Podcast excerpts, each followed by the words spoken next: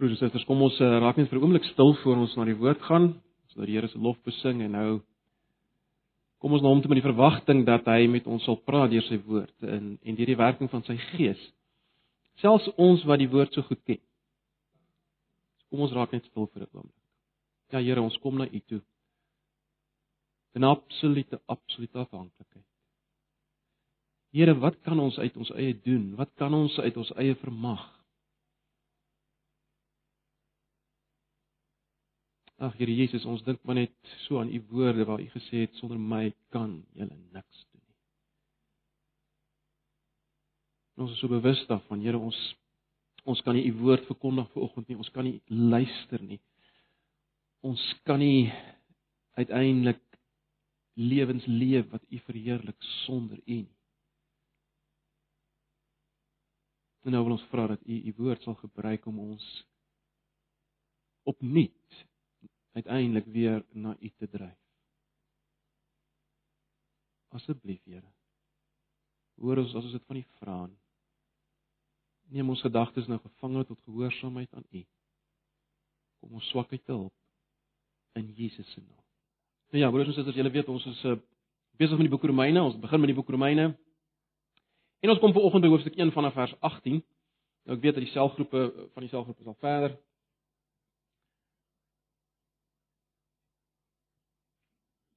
Maar dit is tog belangrik. Ek dink daar's 'n illusie. Ehm um, baie mense dink jy moet iets heeltemal nuuts, verrassends nuuts hoor dan dan uh, dan tref dit jou en dan dan hoor jy iets regtig. Maar eintlik uh, het het ehm um, navorsing bewys hoe beter jy iets ken, hoe beter hoor jy dit. Met ander woorde, jy as jy 10 keer 'n Bybelstudie gedoen het oor hierdie gedeelte, dan gaan die preek vir jou nog meer beteken volg.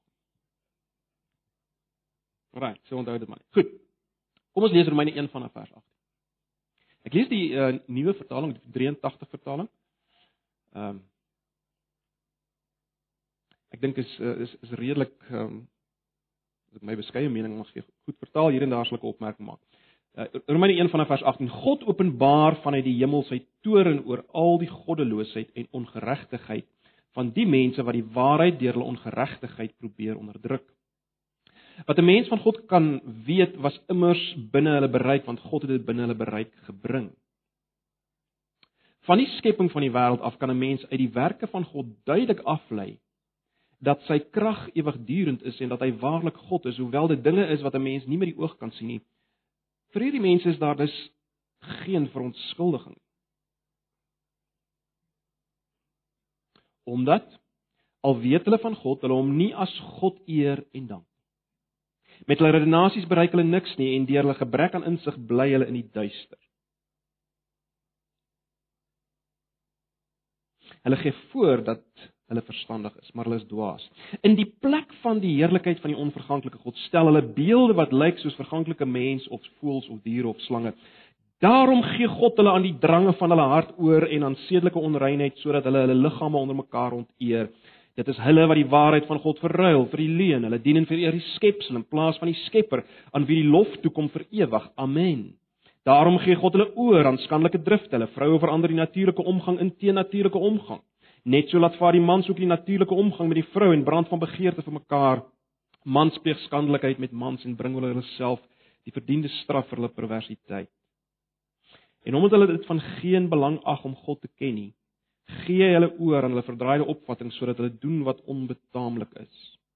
Hulle is een en al ongeregtigheid, slegheid, hebsug en gemeenheid Hulle is vol jaloesie, moord, twis, bedrog en kwaadwilligheid. Hulle skinder en praat kwaad. Hulle haat God. Hulle is ook hartig, aanmatigend, verwaand. Hulle is mense wat kwaad uitdink, ongehoorsaam aan hulle ouers. Hulle is onverstandig, onbetroubaar, liefdeloos, hardvogtig. Hulle is mense wat die verordening van God ken dat die wat sulke dinge doen, die dood verdien en tog doen hulle dit nie net doen hulle nie net self hierdie dinge nie, maar hulle vind dit ook goed as ander dit doen. Ons lees net so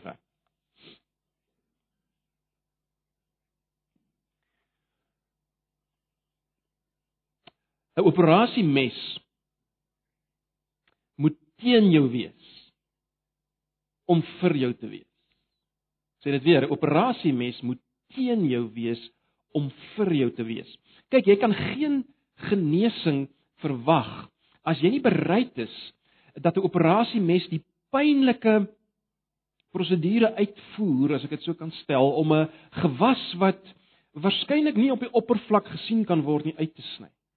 Jy kan geen genesing verwag as jy nie toelaat. As jy nie gewillig is dat hierdie operasie mes hierdie pynlike taak uh uitvoer nie.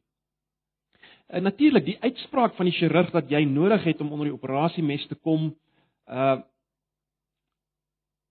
is dit wel skokkende nuus. Dit is dis 'n onaangename verrassing, nie waar nie? Dis 'n onaangename verrassing. Nou broers en susters, vers 18 tot 32 Hoofstuk 1 vers 18 tot 32, die gedeelte wat ons gelees het, kom as so 'n verrassing. 'n Onaangename verrassing. En julle sal weet, uh, ons het verlede Sondag daarna gekyk vers 16 en 17. Ehm uh, of ons het geëindig met vers 16 en 17 waar Paulus eintlik die tema van die brief baie duidelik stel, né? Nee, hy kondig die tema van die brief aan. En die tema van die brief is die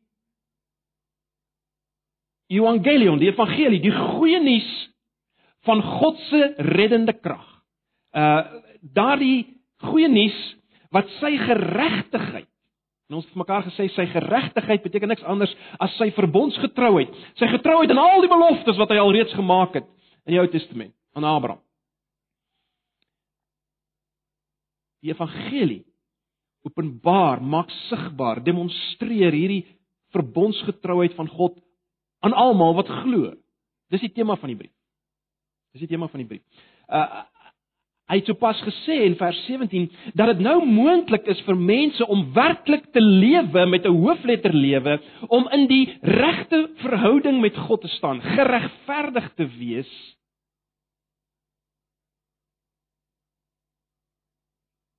natuurlik met iemand anders se geregtigheid, die geregtigheid wat in die evangelie duidelik word. Iemand anders sin Jesus se lewe, want die evangelie het ons mekaar gesê gaan ten diepste oor wat God gedoen het in Jesus. Jy kan niks bydra nie. Dis die goeie nuus waarmee Paulus begin het. Dis die tema van die brief. Maar nou in vers 18 is die verrassende dat ons geen verdere uitleg kry van hierdie evangelie nie. Uh, ons kry geen verdere uitleg uitleg van hierdie goeie nuus nie, né? Wat mens sou verwag nie. Ons kry eerder verpletterende nuus omtrent God se toorn oor sonde. En ons hou natuurlik nie daarvan nie, veral ons uh moderne 21ste eeuse mense, dis is 'n geweldige vreemde gedagte vir ons, bro. Ons hou nie daarvan. Oor waar dit sê as mens uh, kyk na Paulus uh, wat Paulus doen, is eers twee hoofstukke verder, eers in hoofstuk 3 vers 21 dat hy as te ware weer terugkom na die tema wat hy in 1 vers 17 uh gestel het. Hoekom is dit so? Wel broers en susters, waarskynlik omdat Paulus dit absoluut noodsaaklik vind om duidelik te maak waarom is die openbaring? Waarom is die duidelik maak van God se verbondsgetrouheid, van God se geregtigheid? Waarom is dit nodig? Waarom is die evangelie waarin hierdie verbondsgetrouheid van God duidelik word, waarom is dit nodig? Dis dis dis waarskynlik hoekom uh hy as te ware nou 'n bietjie wegdraai. Jy sien om dit so te stel terug te kom na wat ek aan julle in die begin gesê het, die operasie mes van die slegte nuus is absoluut nodig vir die genesing wat die goeie nuus bring. Absoluut nodig. En daarom wat ons skryf vanaf hoofstuk 1 vers 18 tot 3 vers 20 is Paulus wat kom wys hoe lyk die toestand van die mens. Hoe lyk my en jou toestand? Jy sien, dis wat hy doen. Paulus kom wys eintlik broers en susters dat die dat die dat die mens en wat my en jou insluit en die ouens daar buite insluit. Hy hy kom wys die mens is eintlik soos 'n boom wat van buite af nog goed kan lyk, maar maar binne is daar 'n swam. Jy kry dit nogal baie in in, in Engeland ensovoorts. Dat ouens ewe skielik kap hulle boom af en dan weet jy hoekom nie. Want jy sien daar's daar's 'n swam binne. Wat maak dat hierdie boom stadig maar seker verrot. En dan moet hy afgekap word want anders te natuurlik kan hierdie boom chaos veroorsaak. Kan geboustukke val en so meer. Uh, Paulus kom wys eintlik dat ons so is. Wat hy dan doen in vers 18 tot 20 spesifiek is is is God se aankondiging van God se toorn teen sonde, maar net so belangrik baie is baie belangrik om raak te sien. Net so belangrik is uh, Paulus se aanduiding dat dat dat hierdie toren verdien is. En ons gaan nou nou daarna kyk. Ons gaan nou nou daarna kyk. Paulus gaan verder in hoofstuk 1 vers 21 tot 32 wys hy dat dat die heidene God se waarheid verwerp. En dan in hoofstuk 2 vers 1 tot 29 wys hy spesifiek dat Jode verwerp God se waarheid en regverdiglik kom hulle onder God se oordeel. Met ander woorde alle mense, alle mense, dis wat hy doen.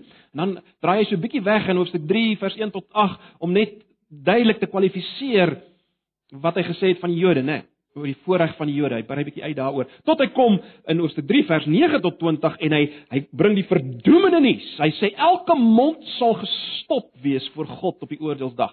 Niemand sal maar iets kan sê. Almal sal stil wees voor God. Daar sal geen woord geuiter kan. Ook jy sal niks kan sê. Dis wat Paulus doen. Dis waarna hy op pad is. Maar kom ons zoom 'n bietjie in op die gedeelte wat ons gelees het.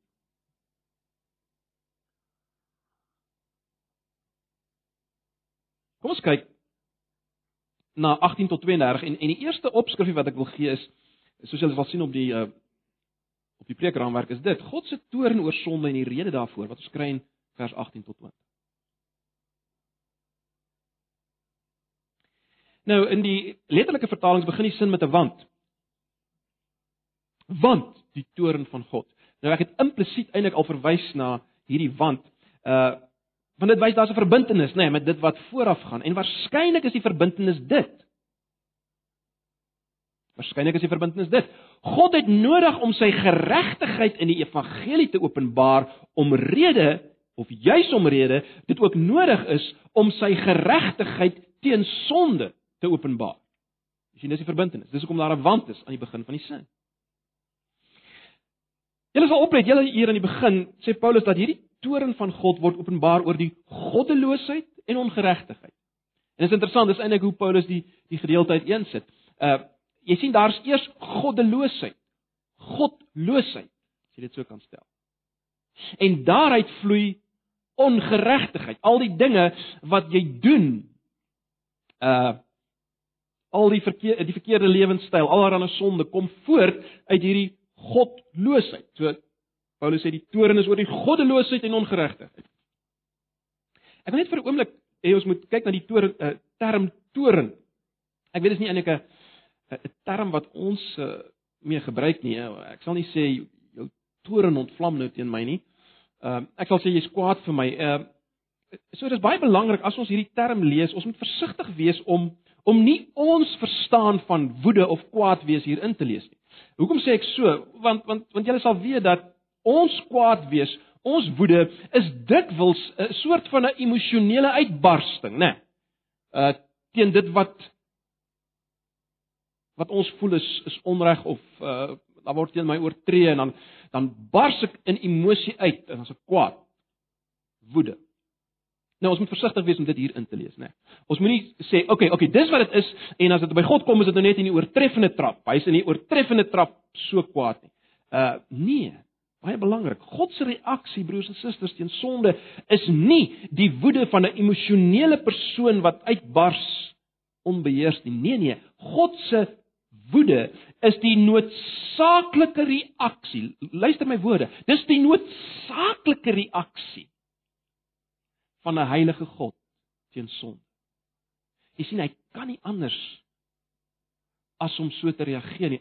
Anders is hy net eenvoudig nie meer God nie. So dis belangrik net as ons kyk na die woord toren. Nou, die vers sê hierdie toren word geopenbaar. Nou die die die, die tydsaspek van hierdie werkwoord is interessant. Dit beteken dit is nou besig om geopenbaar om duidelik gemaak te word hierdie toren van God en dit sal aanhou om so geopenbaar te word, duidelik gemaak word tot die einde. Dis die dis die hele gedagte van die werkwoord. En dis dis fascinerend. En as ons heel kom by die toepassing gaan ons weer daarna uh uh kyk. Maar maar hoe lyk die mense teen wie God se toorn openbaar word? Hoe lyk hulle? Wel uh, Paulus sê dis mense wat die waarheid onderdruk. Nou natuurlik kan jy net iets onderdruk as jy uh daarvan kennis het. En dis nou presies wat Paulus sê. Hy sê wel hierdie mense het kennis omtrent God. Die die ehm um, 53 vertaling sê hulle hulle hulle ken God, maar natuurlik weet ons daai ken uh, het hier meer te maak met 'n weet van God, né? Nee. Uh hy het dit aan hulle geopenbaar, sê vers 19. Hy het dit duidelik gemaak en hoe doen hy dit? Wel, hy het dit gedoen deur sekere van sy goddelike kwaliteite in die wêreld wat hy geskep het duidelik te maak. Jy kan dit sien. Dis wat Paulus sê. Vers 20. Meer nog Paulus sê dit kan duidelik gesien word deur mense. Maar baie belangrik broers en susters, ons moet dit raak sien. Hierdie kom ons noem dit natuurlike openbaring van God in die skepping. Dis baie duidelik. Dit bring mense nie in 'n verlossende verhouding met God. Dis nie wat Paulus sê nie. Dit bring mense nie in 'n verhouding vir, uh, met God nie, maar wat dit wel doen is dit maak hulle skuldig. En dis iets wat hy dwars deur gaan duidelik maak. Dit maak hulle skuldig. Daarom elke mens is skuldig. Want hulle sien dit maar hulle reageer nie daarop nie. Dis die hele punt. En dit bring ons nou by die die tweede onderafdeling of opskrif mense se onderdrukking van hierdie waarheid en die konsekwensies daarvan. Ons het gekyk na God se openbaring van toren. En die rede daarvoor en nou kyk ons bietjie na die mense se onderdrukking van hierdie waarheid en die konsekwensies daarvan in vers 21 tot 31. Nou as jy 'n fyn gelees het, sal jy sien dat hierdie gedeelte word eintlik gedomeineer deur deur drie sinne wat wat herhaal word. Eerstens dan vers 22 tot 23 kry ons hierdie hele gedagte van verruiling afhangende van watter vertaling jy gebruik. Uh Paulus sê hulle hulle het in die hulle het iets gedoen in die plek van of hulle het iets verander. Luister net. Uh hy sê vers 22 in die plek van die heerlikheid van die onverganklike God stel hulle beelde wat lyk soos 'n verganklike mens of soos voëls of diere of slange. En dan kry ons 'n tweede woord wat wat heeltyd na vore kom en dit is God gee hulle dan oor. So hulle doen iets, hulle verander iets, hulle verruil iets, sit iets in die plek van en dan is daar oorgee van God, né? Nee, kyk vers 24. Daarom gee God hulle aan die drange van hulle hart oor en aan sedelike onreinheid sodat hulle hulle liggaam onder mekaar on, onteer. En dan kry ons weer die verruiling in vers 25. Hier word dit eksplisiet so vertaal uh, in ons vertaling vers 25 dit is hulle wat die waarheid van God verruil vir die leuen. Hulle dien en vereer die skepsel in plaas van die Skepper aan wie die lof toe kom vir ewig. En dan weer die oorgeen vers 26. Daarom gee God hulle oor aan skandelike drange. Hulle uh, uh so God gee hulle oor. Daar was 'n verruiling, God gee oor en dan weer 'n verruiling. Uh wat ons kry. Hulle vroue verander die natuurlike omgang in teennatuurlik, weer 'n verandering, 'n verruiling, né, nee, omgang. Op dieselfde manier die mans, vers 27. Net so laat vaar die mans ook die natuurlike omgang met die vrou en brand van begeerte vir mekaar. Mans pleeg skandelikhede met mans en bring oor hulle self die verdiende straf vir hulle perversiteit. So daar's weer 'n verruiling. En dan is daar weer hierdie oorgee vers 28b en omdat hulle dit van geen belang ag om God te ken nie gee hy hulle oor aan hulle verdraaide opvattinge sodat hulle doen wat onbetaamlik is. So so so wat in diepste hier gebeur broers en susters is dat in elke geval van wat ons hier gelees het vind daar 'n verruiling plaas en en en wat die mens eintlik doen hy plaas sy God wat dit ook al mag wees in die plek van die waarheid wat God geopenbaar het. So hy plaas daai ding waaraan hy waarde heg, wat hy wil doen, wat hy vereer, waaraan hy sy tyd spandeer, hy plaas dit in die plek van die waarheid van God. Dis dis wat elke keer ten diepste hier gebeur. Dis die verruiling. En hoe reageer God? Hy gee hulle oor. En ons gaan nou nou weer daaroor iets sê. Hy gee hulle oor aan die konsekwensies van die keuse wat hulle gemaak het. Nou as uh, miskien moet ek dit sê, Paulus sê nooit presies met wie praat hy nie, né? Hy sê heeltyd hulle, hulle, hulle, dis al. Dit kan wees dat hy selfs uh maar verwys na Adam en Eva. Maar maar verseker gaan dit verder na mense in die algemeen.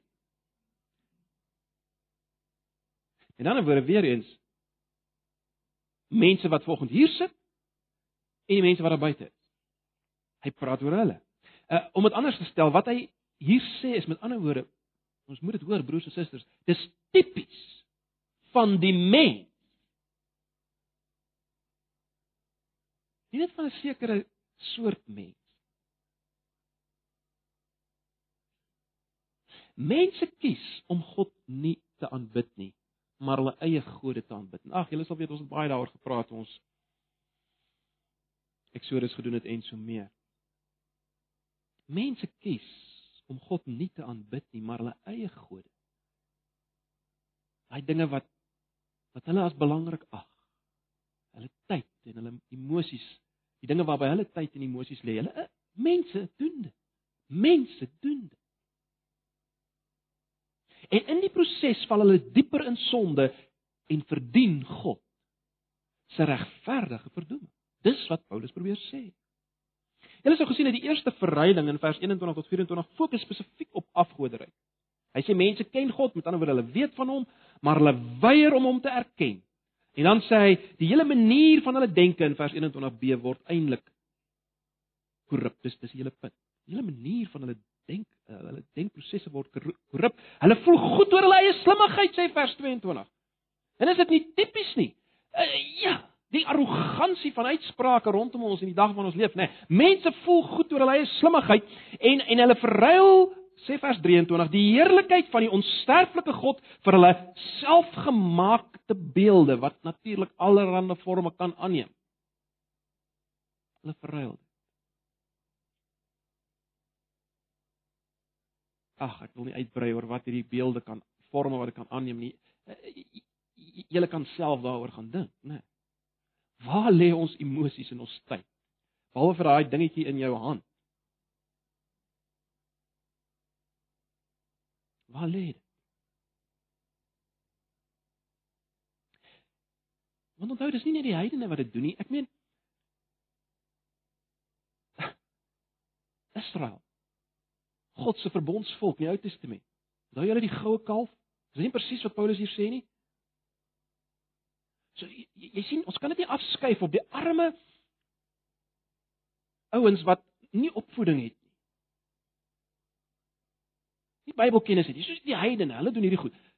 Paulus wil baie duidelik die Jode laat verstaan maar julle kan nie dit doen. Dis wat ons doen.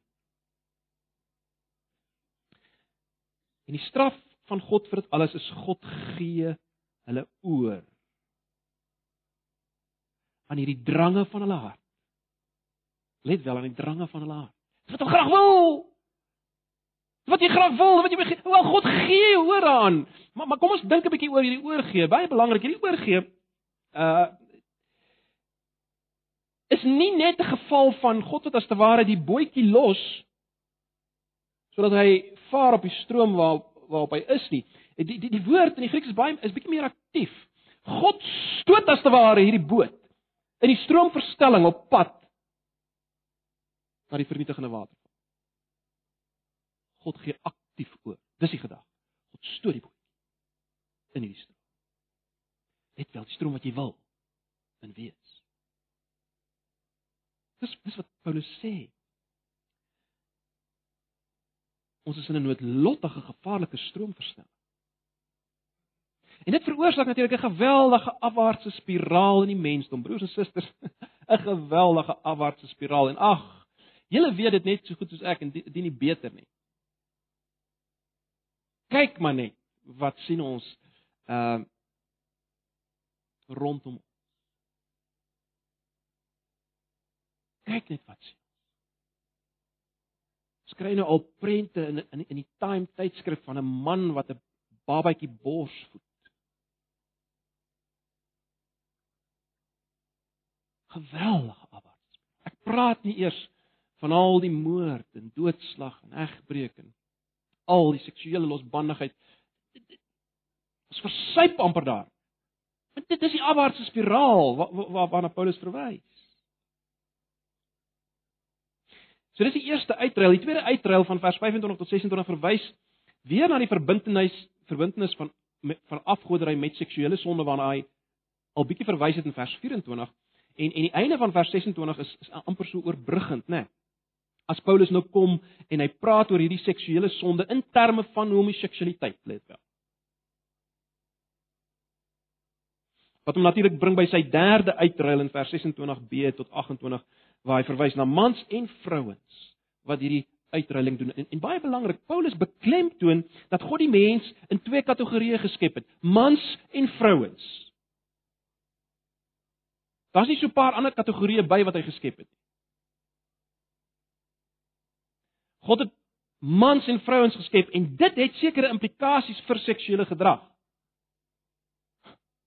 Vanuit God se perspektief. Dis baie belangrik as ons sal raak sien broers en susters, julle sou die term natuurlik heeltyd hier gesien het. Hulle hulle hulle hulle verander die natuurlike omgang. Nou dis baie belangrik dat ons daai woord sal verstaan want in vandag uh gebruik teoloë dit baie onverantwoordelik. Hulle sê wel jy, jy sien dit gaan hier oor die teenatuurlike. Met ander woorde per implikasie as jy van nature homoseksueel is en jy jy jy bedryf heteroseksualiteit wel dan is jy eintlik besig met jy, jy draai die natuurlike om. So jy sien as jy dit natuurlik doen dan dan raak alles aanvaarbaar, maar dit is baie belangrik broers en susters dat die woord natuurlik hier verwys nie na dit wat vir jou as individu natuurlik is nie. Dis nie waarna hierdie woord verwys nie. Verseker nie. Dit verwys na die verhouding wat God vir mense vasgestel het in die skepping. Dis die natuurlike. Dis waarna die natuurlike verwys. En jy moet dit weet want in die in die in die media vandag word hierdie woord totaal uh, verkeerd hanteer. Dit word deur sekere professore wat vir wie ek eintlik baie respek het, verkeerd gebruik. Dis waarna waarvan hy praat. Hoe God mense geskep het. Dis die natuurlike waarvan hy gepraat en dis wat verruil word, dis wat verander word deur mense.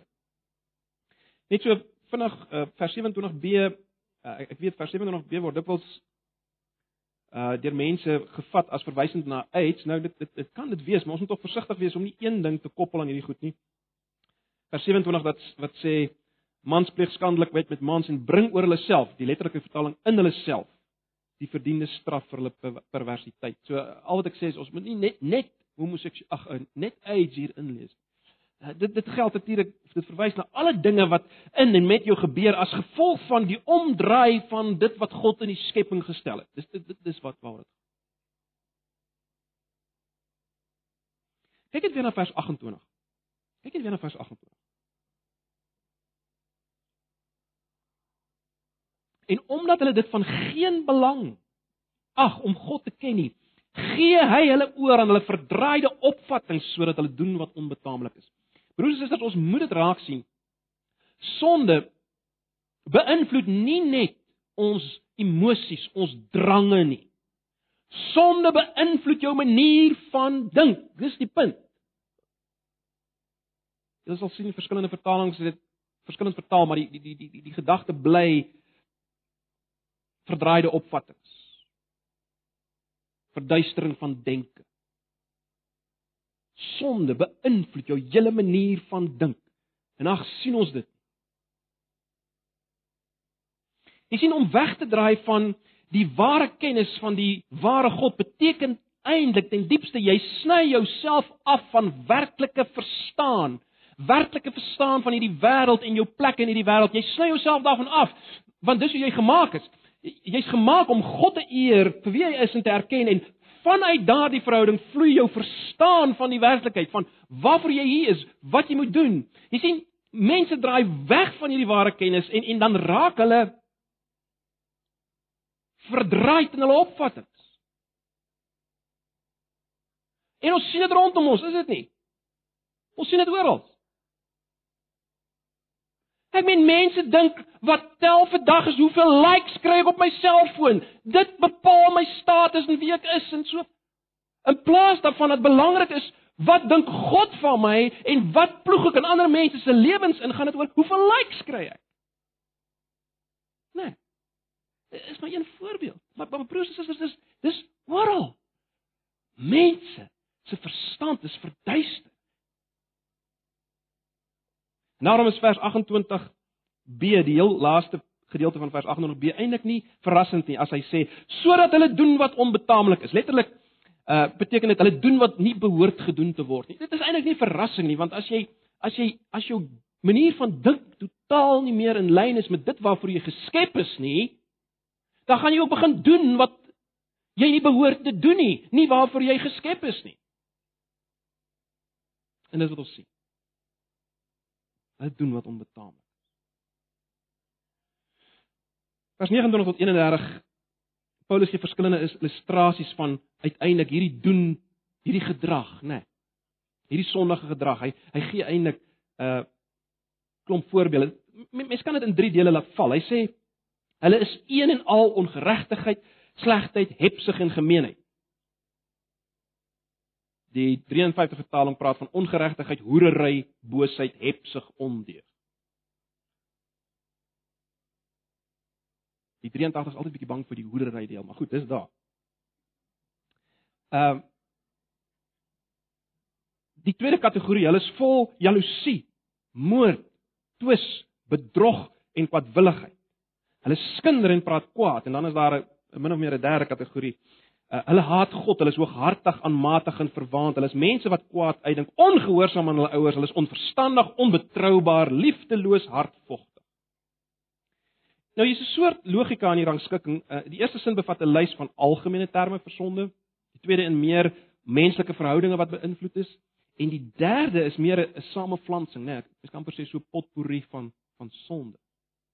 Nou mense kry natuurlik elders in die in die Nuwe Testament ook sulke lyste. Baie belangrik van hierdie lyste is dit beteken nie dit en dit alleen is die sonde wat nou eintlik sonde is, dit wat hier genoem word nie. Uh, Paulus wil maar net uh voorbeelde gee van watter vorme kan jy die sonde aanneem sodat jy kan identifiseer daarmee. Uh so hy gee maar net hy, hy gee voorbeelde. Jy sien, hy hy, hy as ek dit so kan stel, hy weet dat ten minste een van hierdie goed gaan die kol tref. Vir in die geval van die persoon wat die brief lees. Ten minste een gaan die kol tref, is dit nie? Ek meen dink net aan jouself volgens. Jy gaan waarskynlik nooit 'n goue beeltjie aan mekaar timmer en daar verbuig nie. Maar wat van skinder? Wat van skinder? Jy sien Paulus weet iets gaan tref. Iets gaan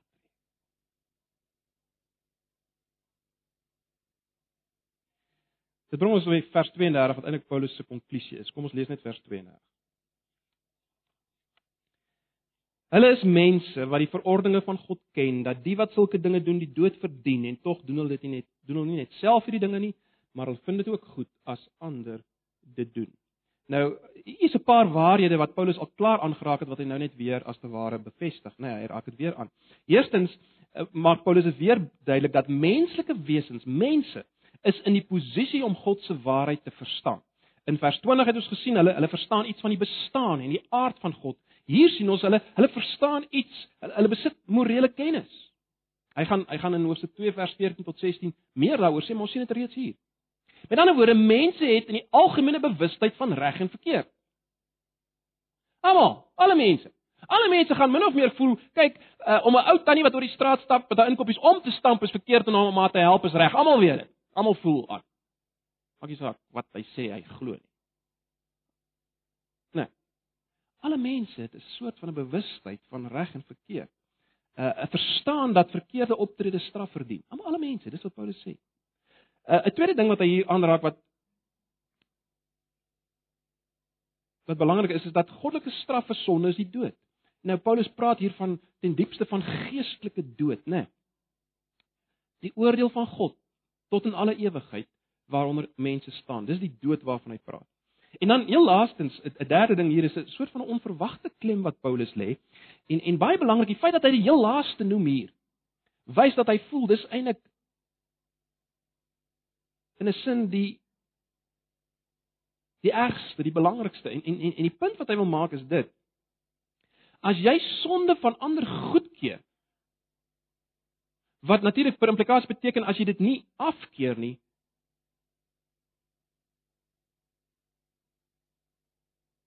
Dis eintlik die ergste. Dis eintlik die toppunt van alles. Dis die punt wat Paulus hier wil maak.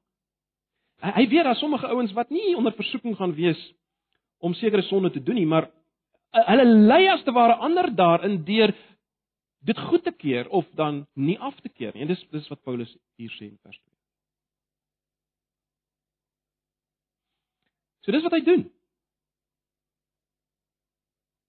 Dis wat Paulus doen in hierdie verse. Kom ons bring dit nou bietjie nader aan ons lyf. En ag, ou kan baie dinge hier sê. Ek het maar so 'n paar hoofgedagtes hier uitgelig. Kom ons bring dit nader aan onsself. As jy vanoggend sukkel om dat om te glo dat God 'n realiteit is en dat God leef. Kyk 'n bietjie na hierdie gedeelte. Kyk 'n bietjie na hierdie gedeelte. As jy sukkel om te glo dat God 'n realiteit is en dat hy leef, kyk na hierdie gedeelte. sien jy dit? Wat sê dit vir ons? Die hele gedeelte in geheel en veral dan uh, vers 18. Broers en susters, dit sê vir ons dat die geweldige toename in absolute sedeloosheid rondom ons die geweldige toename in homoseksualiteit en al die ander perverse forme van seksualiteit wat ons kry en in ons kele afgedruk word oral. Dit is verstommend wat wat plaasvind oor die wêreld. Transgenders en so meer, al hierdie goeters. Dit is verstommend. Die die punt wat ons moet raak sien is die geweldige toename in al hierdie goed is nie 'n teken daarvan dat dit alles was verouderde idees en en en nou kom mense agter dis nie verouderde idees. Met ander woorde, dis nie 'n bewys hierdie hierdie toename in hierdie goed is nie die, is nie 'n bewys dat mense word nou uiteindelik volwasse en gooi die ou forme af wat op hulle afgedruk is deur die Joods-Christelike tradisie. So die mens word eintlik nou 'n bietjie volwasse en hy bevry homself Dis nie dit nie. Let wel, is ook nie luister mooi, dit wat ons rondom ons sien is nie 'n bewys dat God geabdikeer het, met ander woorde dat God terugstaan nie. Dis nie 'n bewys dat God eintlik niks doen nie of eintlik niks kan doen nie of selfs dat hy niks wil doen nie. Dit wat ons rondom ons sien is is nie 'n bewys daarvan nie. Met ander woorde uh, Die ou wat wil sê maar kyk hoe lyk die wêreld? Hoe kan daar 'n God wees? Wel, wel, wel. Hierdie gedeelte sê die teenoorgestelde, is dit nie? Dit sê vir ons dit wat ons rondom ons sien is juis 'n bewys dat God aktief besig is om die bootjies te stoot. Is dit nie? Met ander woorde, wat sê hierdie gedeelte? Die toename in sonde rondom ons broers en susters skree uit: God leef. God is 'n realiteit. God is besig om te oordeel en hy gaan weer oordeel. Alles wat ons rondom ons sien, skree dit uit. En jy moet dit weet.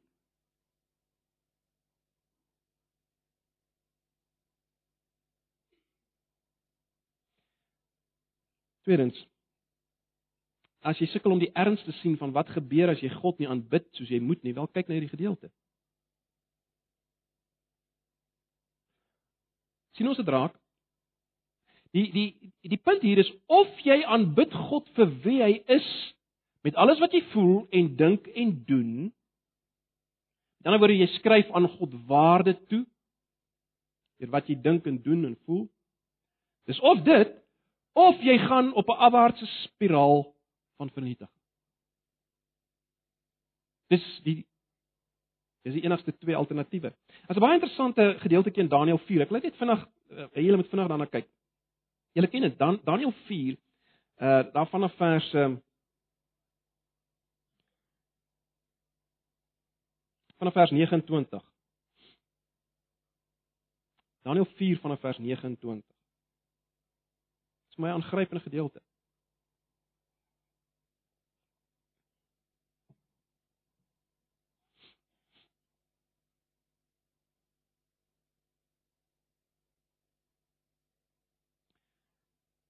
Na 12 maande terwyl hy dis nou Nebukadneser op die dak van die paleis geloop het, het hy gesê: "Kyk net hoe groot is Babel. Deur my groot mag het ek daarvan 'n koningsstad gemaak tot my eer en roem."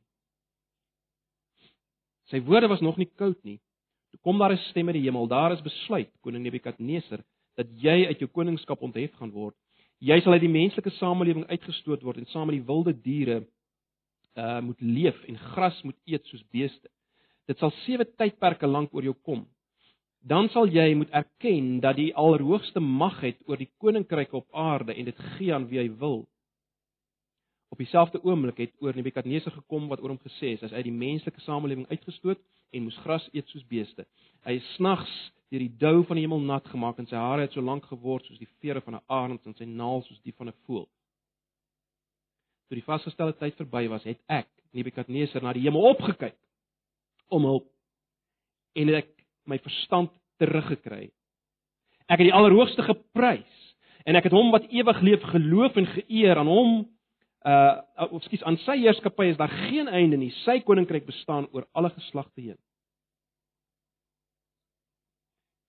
Dis nie 'n pragtige grafiese voorstelling van wat ons nou sê nie. Nebukadneser as ware wegdraai van God om hom te eer vir alles en hy eer homself. Word hy soos 'n dier. En eers as hy weer opkyk, letterlik opkyk na God, dan word hy weer herstel. En broers en susters, dis wat ons sien rondom ons. Ons kyk weg van God. Ons soek ons leidrade vir lewe in allerlei ander dinge as God in sy openbaring. Ek het dit nou die dag genoem by die uh, selfgroepleiers. Dit is tog fascinerend hoe hoe ons al meer begin kyk na diere se gedrag om ons eie gedrag te regverdig. Ons sal kyk na sekere sjimpansees wat hulle kleintjies vermoor om abortus te regverdig. Jy sien, hulle doen dit so. As jy wegkyk van God, jy gaan afkyk, dan gaan jy al meer in 'n afwaartse spiraal. Dis wat gebeur. So, baie belangrik. sien die erns daarvan van die konsekwensies as jy God nie aanbid nie. As jy God nie aanbid. Derdens, as jy sukkel om te sien dat die evangelie en die evangelie alleen die enigste antwoord is vir die wêreld, wel kyk hier. Ek wil nie nou daarop uitbrei nie want uh ons gaan nog baie daaroor praat, maar ons moet dit raak sien. Broers en susters, uh, uh, daar's geen kans vir enige persoon om voor God te staan in die lig van so 'n gedeelte en as te ware in 'n argument met hom te gaan en hom te probeer oortuig dat jy eintlik dit maak. Dat dat daar's geen kans vir enige mens nie. Daarom moet ons raak sien. Ons moet kyk na dit wat rondom ons gebeur. Ons moet kyk na onsself en ons moet vir onsself sê die evangelie en die evangelie alleen is nodig vir mense. Dis die krag van God tot redding. Mense het dit nodig. Mense moet hoor daar's hoop buite hulle self. Jy kan jou nie uit hierdie moeras uitself optrek nie. Dis onmoontlik. Die evangelie is nodig.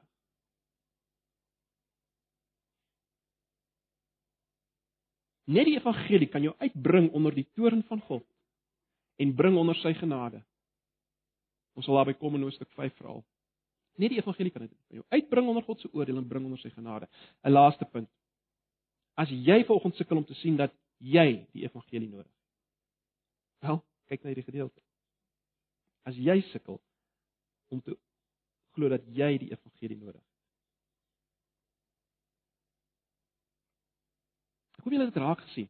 Mens kan so maklik uh, verstrengel raak hier in die ehm um, verwysing na homoseksualisme en die dinge en dan kan jy volgende hier sit en voel maar kyk uh ek is ehm um, ek is daarom seksueel redelik uh normaal en en, en, en probeer rein lewe sover ek kan en en en en, en dan dan kan jy dink maar hierdie gedeelte het nie regtig iets vir my te sê nie. Wel, broers en susters, ek hoop julle het raak gesien. Daarvan af vers 29 tot 32. Ek hoop jy het gesien dat jou jaloesie jou twis ek haal net maar net seker is uit. Onthou nou dit is maar net 'n lys, né? Jou jaloesie, jou twis, jou bedrog, jou skinder, jou kwaadpraat, jou aanmatigend aanmatigende gedrag, jou verwaandheid, jou ongehoorsaamheid aan jou ouers kind, jong mens. Jou liefdeloosheid, jou hartvogtigheid en dan dan dan dan raak dit baie nader aan ons, dan raak dit baie nader aan ons lyf. Al daardie dinge let wel, is nie maar net foutjies in jou menslike opvoeding wat jy op een of ander stadium kan regstel nie of nie kan regstel nie. Wel, dit's eintlik tekens dat God jou oorgegee het volgens hierdie gedeelte. Ek bedoel dis dieselfde asem broers en susters. Daar word nie uitsondering gemaak dat weet hierdie hierdie hierdie, hierdie homoseksualiteit, jy weet, want ons is nou dit is nou lekker want dit is 'n bietjie weg van ons af. Waarom is dit die geval dat dit tekens is dat God jou oorgegee het? Wel, daar's net een rede, jy eer nie God vir wie hy is nie. Jy herken hom nie vir wie hy is nie. En en hierdie dinge is die gevolge daarvan. Jy sien broer en suster, vanoggend moet ons dit weet. Buite Jesus is ek en jy onder God se oordeel. Dis wat ons moet sê. Buite Jesus is ons onder God se oordeel. Niemand van ons kan wegkom. En die een wat hier voor julle staan minder as enigiemand van julle. Weet dit. Jy sien wat hierdie gedeelte moet doen is om ons maar net weer na Jesus te laat vlug nou en elke oomblik. Jy sien, ek en jy het 'n God nodig wat getrou is aan sy verbondsbeloftes. Die belofte is dat hy sal seën bring vir die wêreld wat my en jou insluit, dat hy sal seën bring en nie oordeel nie, dat hy sy geregtigheid met ander woorde sal handhaaf. Ons het dit nodig, ons het daardie goeie nuus nodig. Dis niemand net vir ander ouens nie. Dis vir ons, dis vir my. Dis vir my en dis vir jou. So almal hier, die oues en die jonges, kinders, almal. Ons het nodig om te hoor wat God in en deur Jesus gedoen het en ons het nodig om dit te omhels. Ag broers en susters. Dis hoekom ek en jy die res van Romeine nodig het. Mag die Here hierdie hierdie slegte nuus vanoggend gebruik om ons juist te dryf na die groot chirurg. Mag die Here dit gebruik. Mag die Here dit gebruik. Kom ons sit net so en bid ons. Here, dankie vir u woord. Dankie ook vir hierdie harde woord. Van hoe ons lyk en Here, ons weet dat ons dit nog verder gaan sien in hoofstuk 2. Begin van hoofstuk 3. En ek wil vra dat u dit sal gebruik om ons opnuut intens bewus te maak van wie ons is buite Jesus en sy geregtigheid. Here stroop ons van alle roem, van alle goed voel oor onsself. Sodat ons U kan raak sien vir wie U is. Onbegryplike goeie nuus.